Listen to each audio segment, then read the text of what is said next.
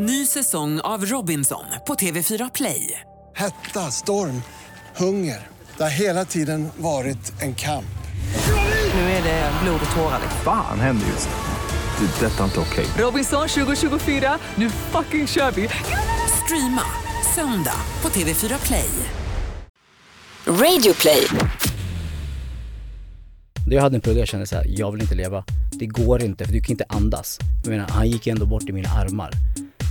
Och det var liksom att jag slutade funka, men för att jag vill också visa för hans mamma, ma- eller pappa, hans pappa gick också bort två veckor efter. Men för hans eh, mamma och närstående och för min familj, att jag måste greja det här.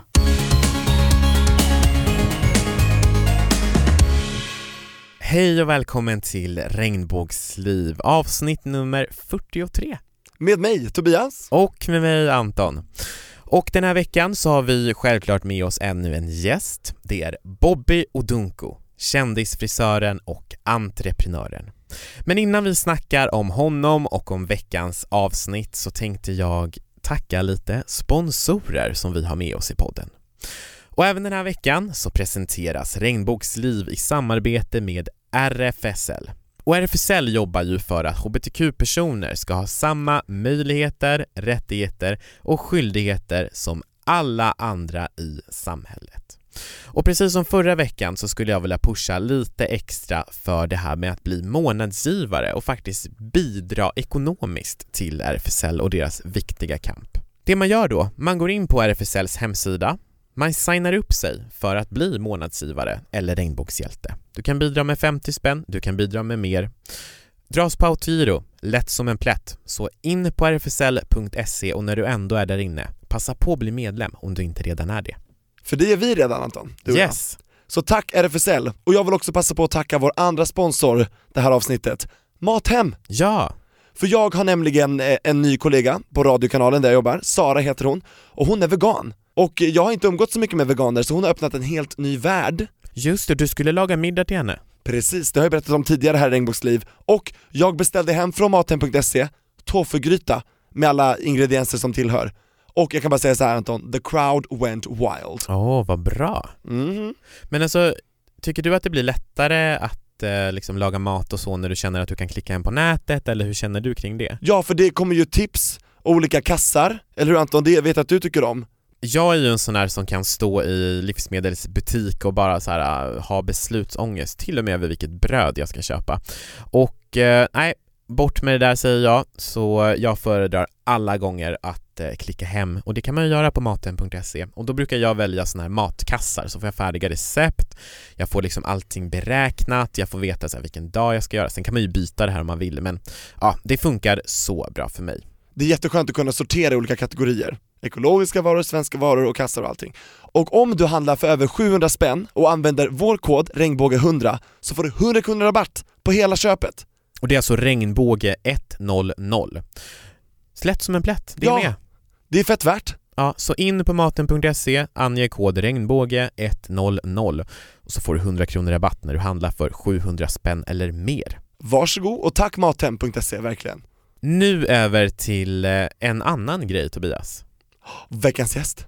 Nej, det tar vi alldeles strax. Men innan vi eh, pratar om eh, Bobby och veckans avsnitt och så här, tänkte jag bara liksom uppmana eller be om hjälp från alla våra kära lyssnare. Vädja till Regnbågslivs följare. Vi har möjlighet att bli nominerade till QX Gaygala 2018.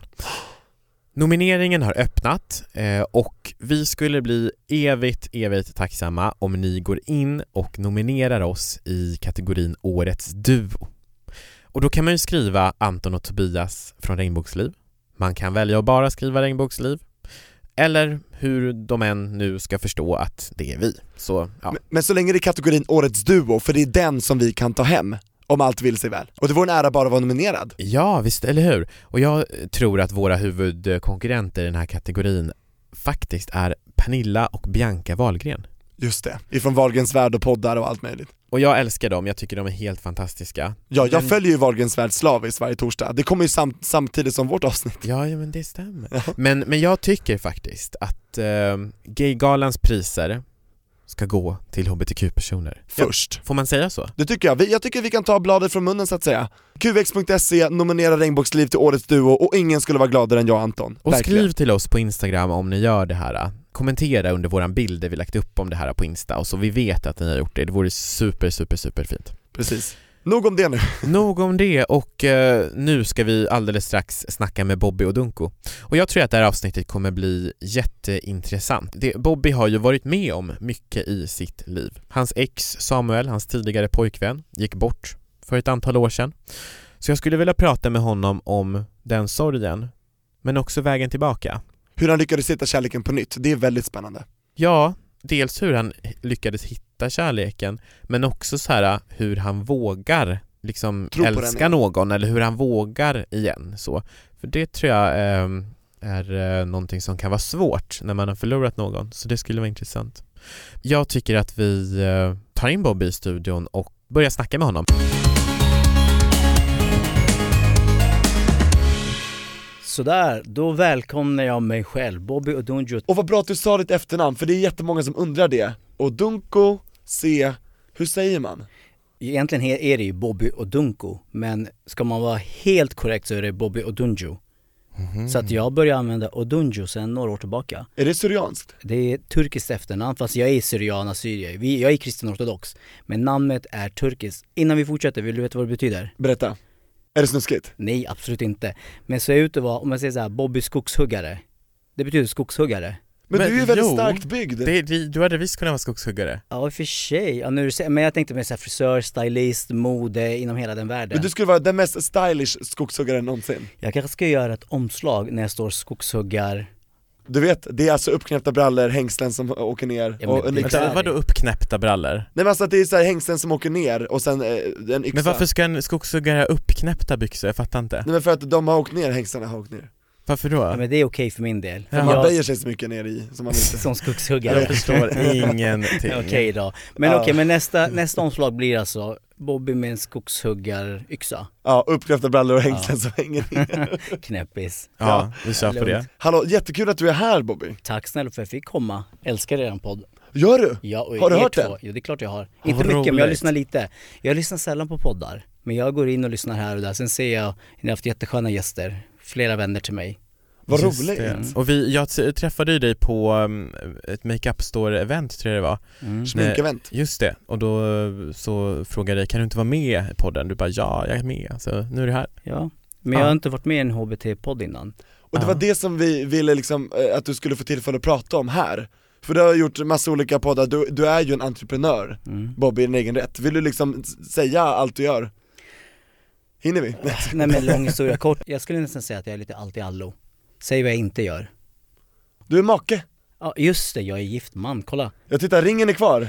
Den är så bling bling. Två ringar har jag till och med. En vigselring, en förlovningsring. Ja men det är så det ska Ah. göras. Jag har man kvar, för jag, jag har aldrig förstått det där um, För Anton har aldrig varit gift förut. Nej Och det har inte jag inte. heller. inte Nej inte, inte än Vi faktiskt. kom aldrig så långt Anton och jag. Jo men vet du, jag Nej. tror faktiskt efter det här poddavsnittet så ska vi lägga ut att Anton, är du singel? Ja, jag är Men då, singel. okej, Anton är singel och han vill åtminstone kanske bli friad. Så han får en flott ring. Men då vill jag också ha en sån där fin ring, får jag, får jag kika? Var är den Ja. ifrån någonstans? Är det Cartier eller? Nej faktiskt inte, vet du det roligaste är att det är från mamma. För, för det är så här, jag kan inte använda mammas ringar. Ja. Men det jag gjorde så här, istället för att det går i arv, så sa mamma, här har du ett gäng ringar. Med olika diamanter och så, så plockade vi isär, eller gick till guldsmeden. Smälter ner eller? Smälte ner, plockade ut och gjorde om dem. Så att det här är något som mamma har haft. De är skitsnygga. Kan inte du berätta om hur du och eh, din man Jimmy träffades? Vi var inte på bröllopet. Nej men jag, ska, jag har med mig bröllopstidning, du får kika lite. Eh, vi träffades på en maskerad. Eh, Navid med en vän till mig fyllde år och så hade han en jättestor maskerad. Och det så var kul att alla som var bjudna hade fått en karaktär redan att vara. Så att jag fick inte välja vem jag ville utan du hade allt från Donald Duck, Ronald Reagan, Musse Pigg var där och Jessica Rabbit. Jimmy var ju en vampyr. Och jag var tilldelad att vara Rambo med eh, pistolhylse och grönmålad. Och min Ah. kusin var Spartakan. Vi gjorde en skitsnygg entré. Bara överkropp såklart. Mhm. Rambo är inte skogshuggare men ganska likt. Och där såg han mig. Där pratade vi första gången och det sa klick. Vi gick på en dejt en vecka senare och sen var vi kära. I bröllopstalet, inför alla på bröllopet så berättade han När jag såg honom så tänkte jag i mitt huvud, honom ska jag ha. Och han fick mig. Ah. Och du fick honom också? Yes. Och från när ni träffades, hur lång tid tog det tills att ni eh, förlovade er? Nio månader. Knappt. Vet du, vi förlovades ganska fort. Eller vi pratade om det ganska tidigt. Jag hade redan ringarna hemma efter fem månader, fyra, fem. Vi träffades i juni, vi var ihop i juni, juli 2016? 2014. 14? Mm. träffades vi. Redan innan jul så hade jag ringarna gömda i garderoben. För vi skulle åka på en resa början på året, 2015. Och då åkte vi till Mexiko och där friade jag till honom. Så det gick fort. Ja. Men det kändes rätt Hur direkt. reagerade han på frieriet? Oh, alltså nej nej, det, han reagerar som man ska reagera men han först inte ut ett ord. Och då var jag så här, hallå, ska du inte säga någonting? Don't leave me hanging on nej my men han knees. stod bara där så här, ha, skaka, skratta, grät. För han var helt blown away. Han hade Men- inte alls väntat sig det? Nej. Jag trodde att, jag, hade hintat, jag trodde att han misstänkte någonting, jag var inte säker. Så att eh, Danny och Molly skickade meddelanden för att hinta honom och lura lite grann. Och då lät jag honom läsa sms, jag sa fjärde smset skicka något sånt. För jag trodde att han hade snokat i min telefon och hittat någonting. Och så han messar från mig till dem. Och så vet jag att det här är fjärde smset, så smörjer jag in mig med olja. Han bara, den tjuter. Jag bara, men jag, hallå jag är kladdig, jag kan, inte, kan inte du svara igen? Och då råkar han läsa emellan raderna och så frågar Danny, ja men vad, du vet senare i sommar, alltså om ett halvt år, vad sägs om att jag friar till Molly och du friar till Jimmy, vi gör det samtidigt? Och då hintar jag in en plan att det här kommer ske om sex månader. Och det gjorde vi under Mexiko såklart. Så att jag sådde ut alla spår där. Fattar, smart. Ja men jag trodde han hade misstänkt någonting men det gjorde han inte ens. Nej, det, var, det var coolt, det var häftigt. Så vi åker tillbaka till Mexiko nu. Just det, ni åker Åh. nu eh, om någon vecka bara, 30 eller 31 december? Ja, 30 tror jag, dagen innan nyår. Ah. För då är det treårsjubileum eh, för förlovningen då eller? Nej, förlovningen var lite sen, eh, början på våren. Okej, Nej, vi åker bara dit på en kärleksresa. det är så. Ja, det skulle bli riktigt mysigt. Om vi spolar tillbaks bandet då, Ja. när kom du på att du inte var hetero? Det skulle nog vara ganska tidig ålder om jag ska vara ärlig. Jag erkände nog inte för mig själv och inte för andra att det var så. Eh, jag kan ju börja med att säga att jag är född i Södertälje, 76. Och redan under 80-talet, i slutet på 80-talet, det var ju inte det mest populära att vara gay. Eller jag visste inte ens att det var okej att vara gay om jag ska vara ärlig. För det fanns inget internet, det fanns inte Facebook, det fanns ingenting. För jag är från en väldigt religiös familj, väldigt kristna. Och det många sa att är du det här så hamnar du i helvete. Och det här kommer inte Gud förlåta dig för, det här är inte det. Så att i mitt huvud var det så här, åh gud det här är bara fel. Så att när det dök upp sådana tankar så kände jag så här, det är som att man syndar något fel. Så jag swishar gärna bort dem. Men jag var bisexuell i flera års tid. Jag hade flickvänner. Jag var kär i tjejer också. Men jag Och du låg med visste, dem? Ja, jag, jag hade sex med tjejer men jag visste, jag har intresse för killar. Men jag fick inte utforska det och det var bara att trycka bort det. Men sen kom det. Så att när det första dejt jag gick med en kille var jag 17. Och hur samlar du mod till det att liksom bryta mot dina inre normer och förbud som du hade byggt upp eller fått från arvet från familjen och så här? Så. Nej men jag kände bara att jag var tvungen för jag kan inte leva efter någon annans villkor och jag har alltid varit väldigt stark. Det här vill jag, det här vill jag inte. Så att det spelar ingen roll, även om jag mådde dåligt, jag tyckte det var jobbigt, så märkte jag att jag gick en utbildning i Stockholm, jag var 16, påbörjade, det var då jag var frisör. Så att 17-årsåldern, jag hade en flickvän redan då i klassen. Ja, hon gick i samma klass, frisörklass, Eva hette hon, jag hade haft massa tjejer innan. Men jag visste att okej, det är något annat jag vill. Och då började jag lite lätt och började gå ut och kolla och prata med vänner och gick på någon dejt här och där. Med en kille? Ja. En Hur var kille- första dejten vad gjorde du? Liggen kan vi skippa, kanske inte var den bästa. Men dejten skulle vara OK. Jag ska inte säga att det var det bästa, nej gud, jag har haft mycket bättre dates efter. Ah. Jag kan inte säga att första var det bästa, tvärtom. Vad gjorde ni då? Eh, Men det var så här fika, prata, lära känna varandra och på alla sätt såklart. Så det var ju mer än det, det var inte Happy bara tag- ending. Ja, ja, nej, men självklart, det var väl det jag var nyfiken på. Men eh, Var det som du hade tänkt dig? Vet du, det roligaste är, jag kommer inte ihåg, det här är som 25-26 år sedan. Jag har så dåligt minne så jag minns inte. Kanske inte var så bra då, annars hade jag väl kommit ihåg det.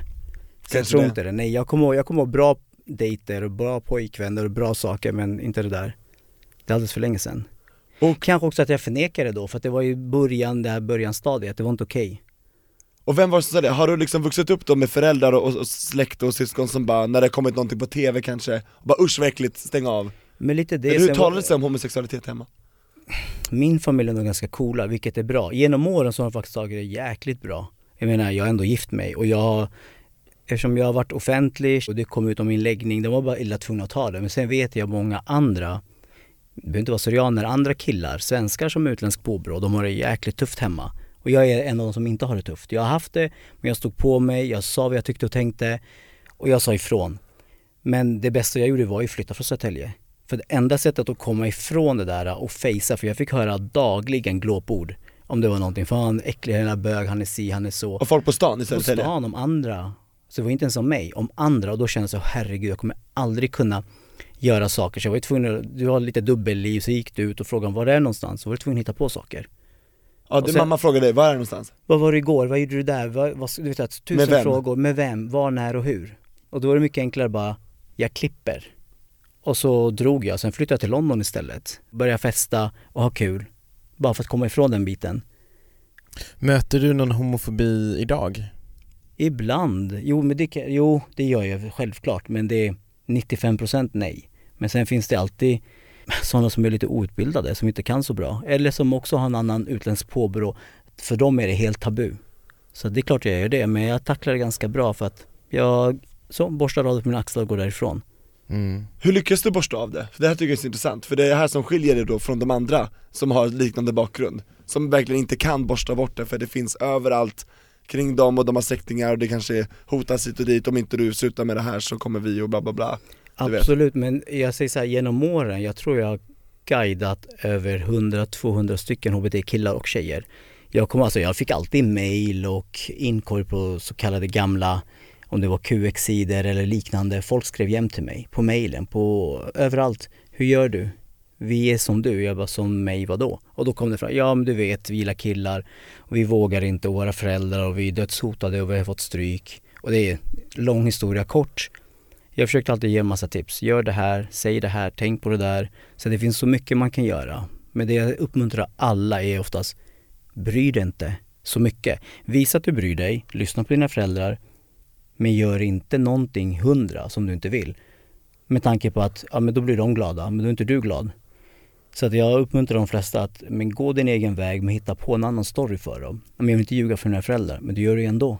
Gör din grej, var ihop med någon i smyg, jag vet inte, det, är, så- det är så svårt men jag försöker jämt uppmuntra många, var er själva och det är okej att vara gay. Mm. Eller straight, eller gul eller blå, vad du än är, det är okej. För känns det bra så är det bra, känns det fel så är det fel. Så är det med allt.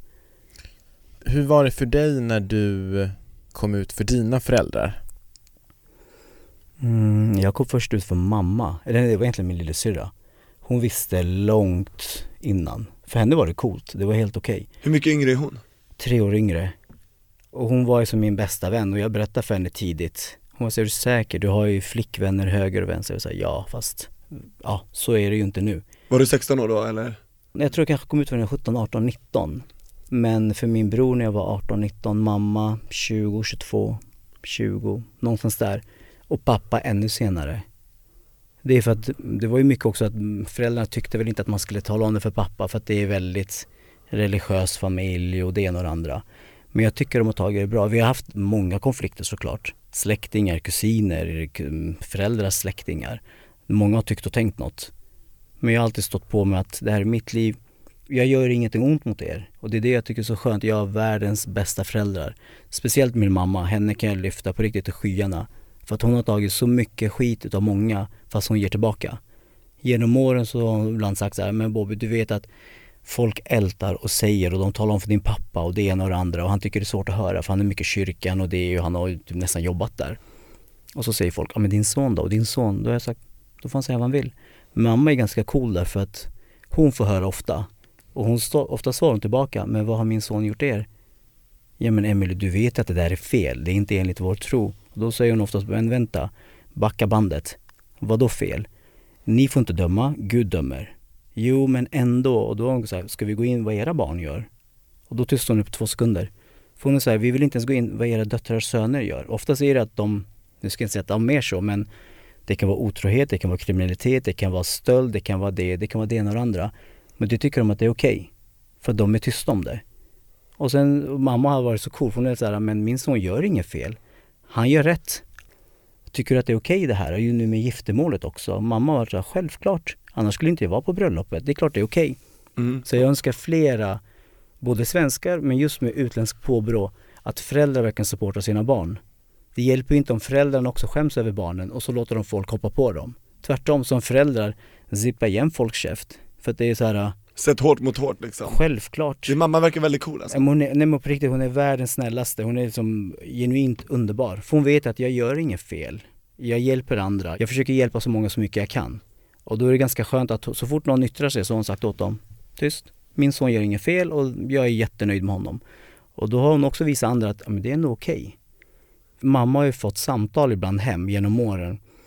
Kan du tala om för din son att det han gör är fel? Hon bara, vad har han gjort nu? "Eh, Våra barn tycker att, men kolla han då. Varför är han gay? Varför kan inte vi vara det? Det är eran son som har fått våra barn att bli så här. Eran son har gjort det här. Det är eran son som har gjort det här. Utan honom skulle inte våra... Du vet, det är sjukt. Det är helt galet. Och Oj. mamma frågar, men vänta, har de träffats? Nej, men han uppmuntrar dem till det. Men de har aldrig pratat. Han rekryterar, nej men Sätt inte ord, ja men det är lite... Det här är det såhär så- rysk propagandavarning. Det är så stört. på det här. Och det är så här många, jag vet ju några killar inom olika, Eh, nu behöver jag inte gå in på var man kommer ifrån, men just killar som har tagit livet av sig på grund av att de inte har blivit accepterade. De har mått så dåligt och de har fått så mycket skit. Och sen har det hänt att de har tagit livet av sig och då har mamma sagt till deras föräldrar, varför kunde du inte bara acceptera? Nej men det var inte så det låg till. De hade problem med annat och då mamma säger, hon bara, men snälla, det är klart det var så. Ni borde bara ge dem en kram, visa att det är okej. Men istället för att smutskasta det så mycket och trycka ner dem så mycket så att till sist känner den killen eller tjejen så här, ja men jag vill inte leva. Du känner att det du gör är ju fel oavsett.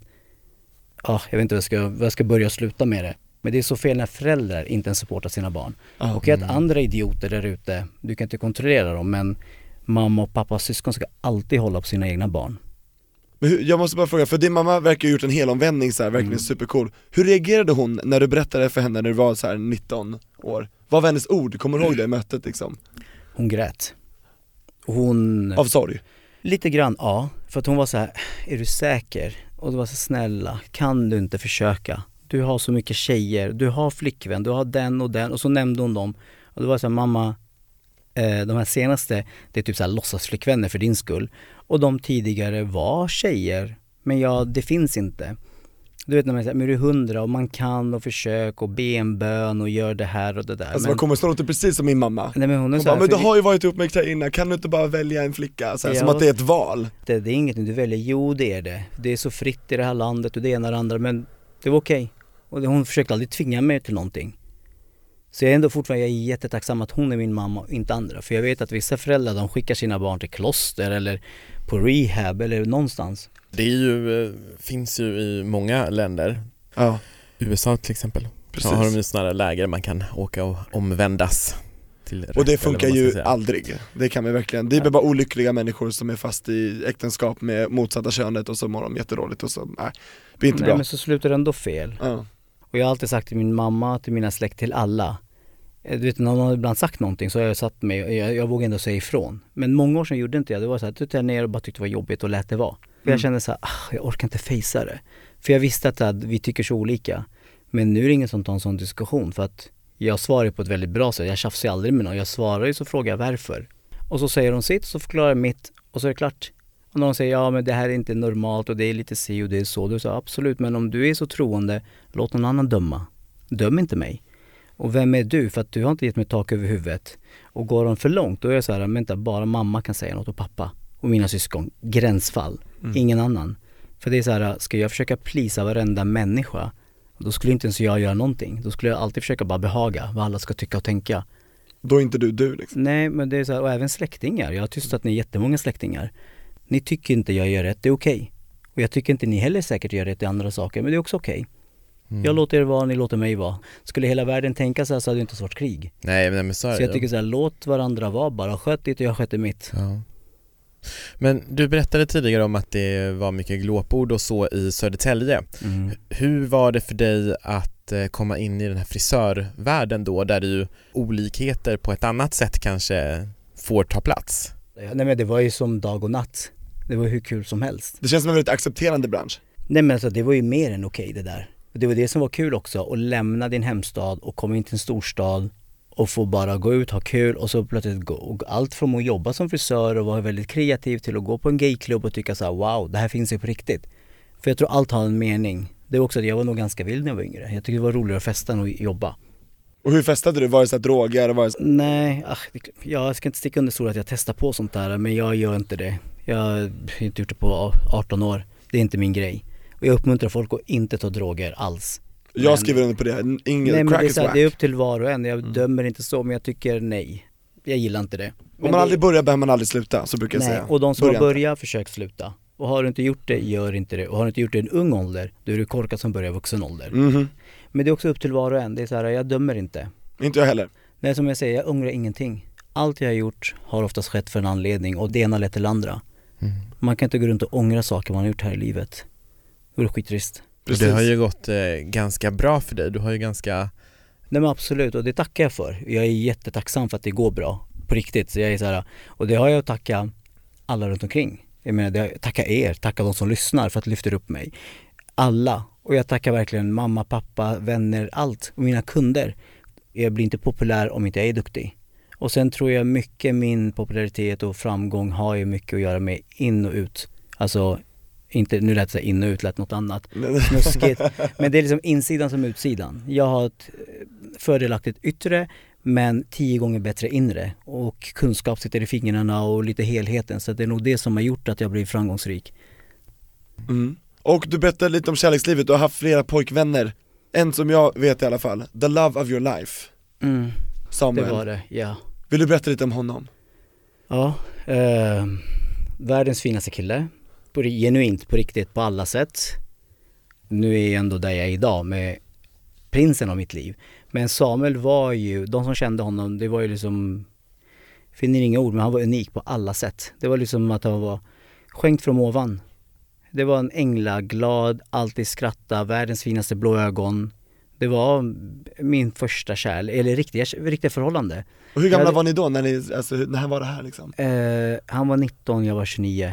Det är 10 års skillnad. Och vi var ihop i nästan sju år. 2012 gick han bort i en tragisk olyckshändelse. Och där slutade nog mitt liv tror jag. En period i alla fall. Sen med tanke på att mitt liv har varit lite upp och ner i omgångar. Men eh, träffade honom. Ja, nu tappar jag nästan bort mig för att det det är, hur känns det att prata om honom och Nej, tänka men, på honom men det idag? känns, det är okej, det känns bra för jag har pratat om honom, men det är inte så att jag inte vågar prata om honom. Jag har pratat om honom massor, allt från min terapeut, med vänner, med hans familj, med min familj så att Ni har fortfarande kontakt? Jag och hans familjen? mamma och familj är typ bästa vänner. Vi har firat jul tio år ihop. Nej vi umgås jämt, vi har en jättebra relation. Och det är inte konstigt för Jimmy alls, nej? Nej tvärtom, Jimmy tycker det känns jättebra att få vara med, med hans familj.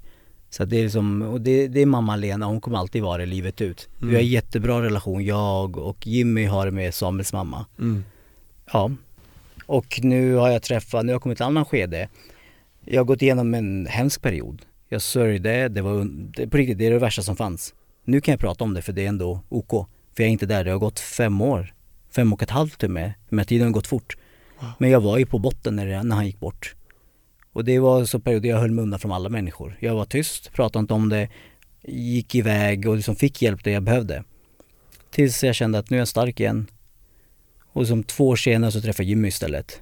Och då tog det en vändning på alla sätt. Så det var som att Samuel var min räddning då.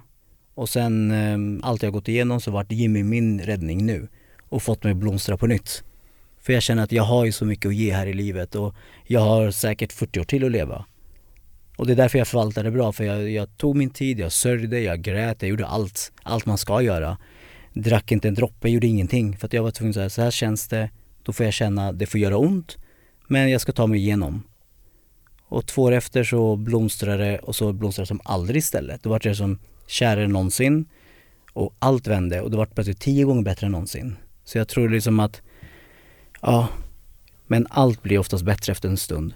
Jag tror det Det, så är det alltid. Vad man går igenom, det är jobb, relation, mamma, pappa går bort, din kärlek, din hund, din katt.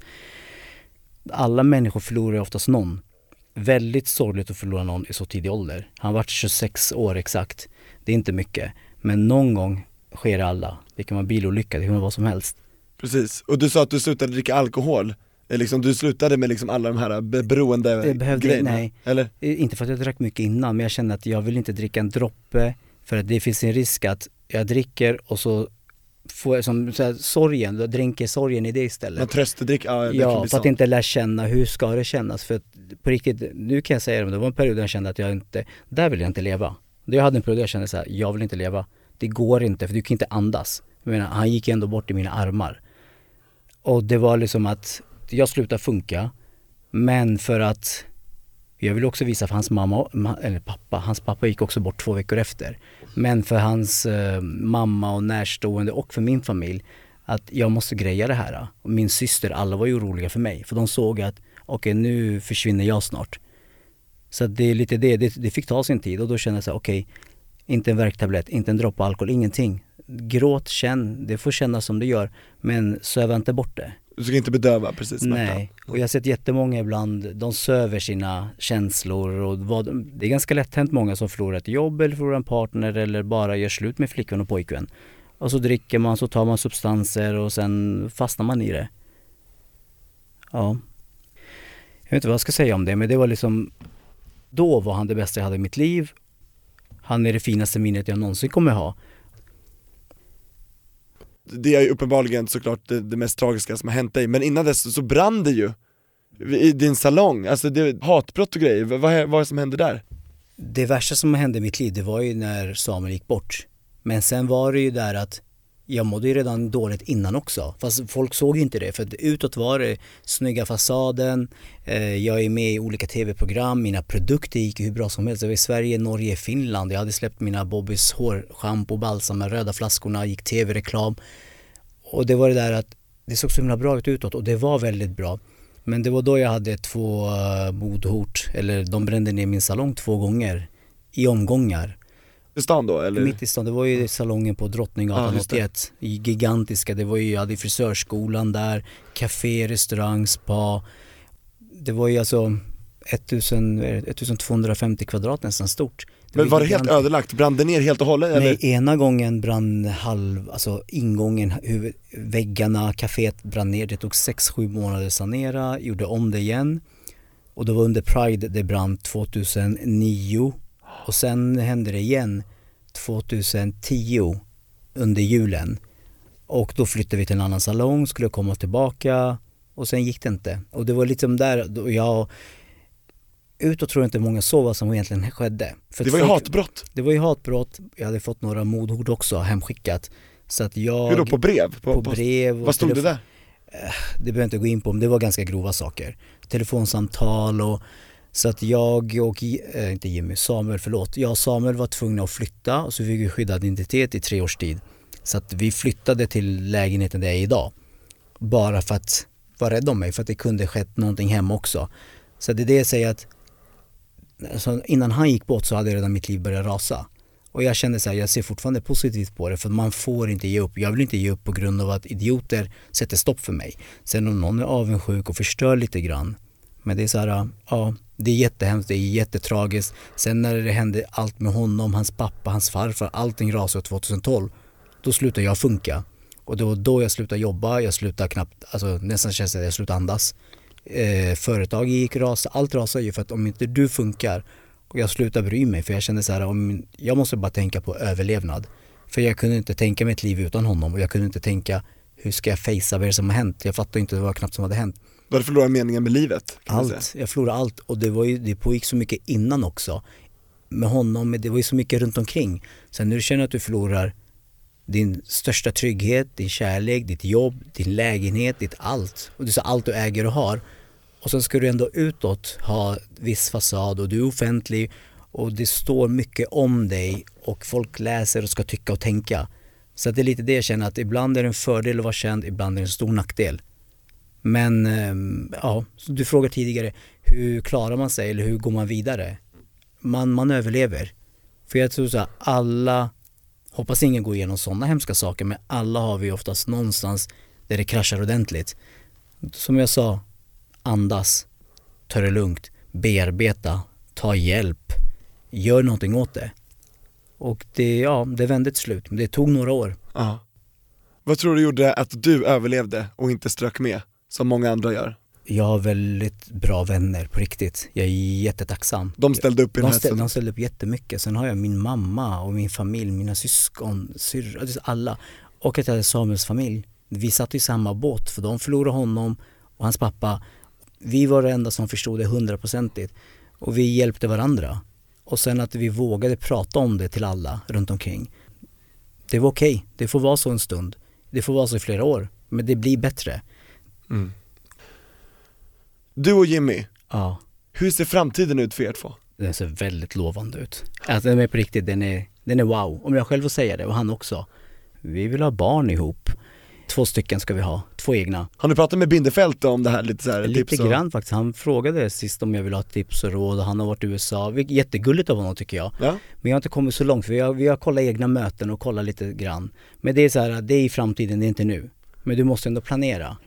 Fem år framåt, tio år framåt, If, innan fem år. in, inom fem år. Hörru, ska jag vara en grandpa? Alltså, jag, nej men på riktigt, jag känner så här, jag vill ändå jag vill ju fortfarande kunna orka leka med dem, för jag är så barnkär på alla sätt. De som känner mig så här, du lägger barn överallt och det är alltid barn i min familj, jag älskar Och du har barn. stor släkt ju, så att, Men inte för länge. Och inte här och nu, för att Jimmy gör ju verkligen grym karriär nu. Han är jätteduktig mäklare, det går väldigt bra för honom. Så jag känner så här, han ska få jobba lite grann. Jättegärna att jag är hemma och tar hand om ungar alla gånger om. du vill vara stay at home dad, Ja. hemmapappa, vad kul! Jag skit- men på riktigt, det vore ganska skönt att inte klippa på ett tag. Och jag kan jobba hemifrån men jag kan fortfarande skriva mina produkter och dema och jag tar med ungen på möten, det är inga problem. Så att jag ser fram emot pappaledigheten. Men jag vill inte vara 50-60 när de, förstår du, jag ska ju kunna orka. Det ska inte vara, men, men där farbrorn där borta. Ja det är min pappa liksom. Jag ser ut att vara 25 men jag ska kunna orka som en 25-åring också. Jimmy är 23. 23, oh. Ja. Så det är ändå, det är lite åldersskillnad, 18 år, 19, 18 Men hur märks det? Eller gör det det? Lite grann, det är klart det märks lite. Jag är så pass ung i sinnet och han är mogen för sin ålder och det kompletterar varandra och vi har skitkul. Det är så kul för att till och med han och andra säger så här, Bobby är den barnsliga av er. på, ett- på ett bra sätt, det är klart jag är väldigt vuxen och mogen, det är jag som är kanske den som har självklart mest erfarenheter. Men jag är inte som en 41-42-åring heller. Så jag tycker det finns inga regler där heller med åldern. För jag tror jag kommer ändå vara samma kille om tio år. Det blir ingen förändring, det är bara åldern som är lite äldre, lite gråare hår. Ja men jag har faktiskt tänkt på det där flera gånger för jag känner ju typ som att det, det har inte hänt någonting i huvudet för mig på typ sex år. Alltså det känns som att jag är samma person som när jag var 20. Och jag, i huvudet är jag 19 fortfarande. Om 20-30 år kanske stor skillnad. Ja. Men det är fortfarande samma Tobias. Det är inte en annan person. Hej hej. Nu Bobby, Mm, vill jag ställa dig en allvarlig fråga. får höra. Vem tycker du borde gästa Regnbågsliv framöver? Vem borde gästa som är gay eller inte? Det får gärna vara någon som är medlem i Regnbågsfamiljen.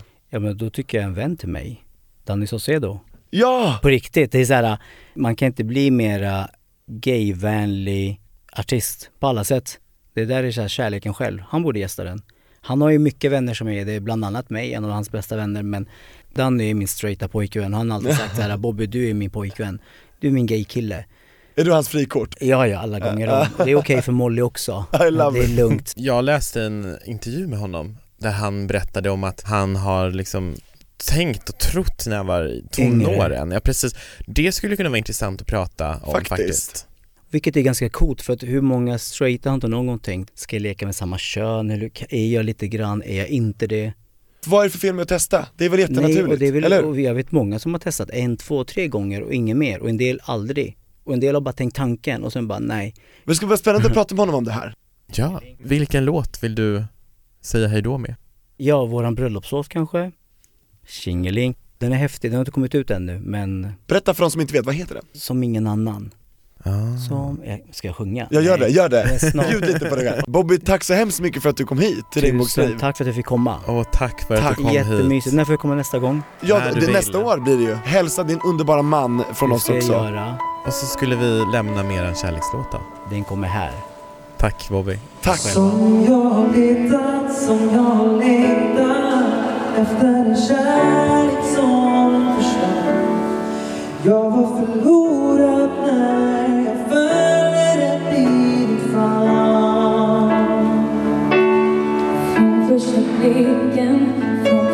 förtjusen ville jag vara ditt andetag. I dina ögon såg jag allt jag vet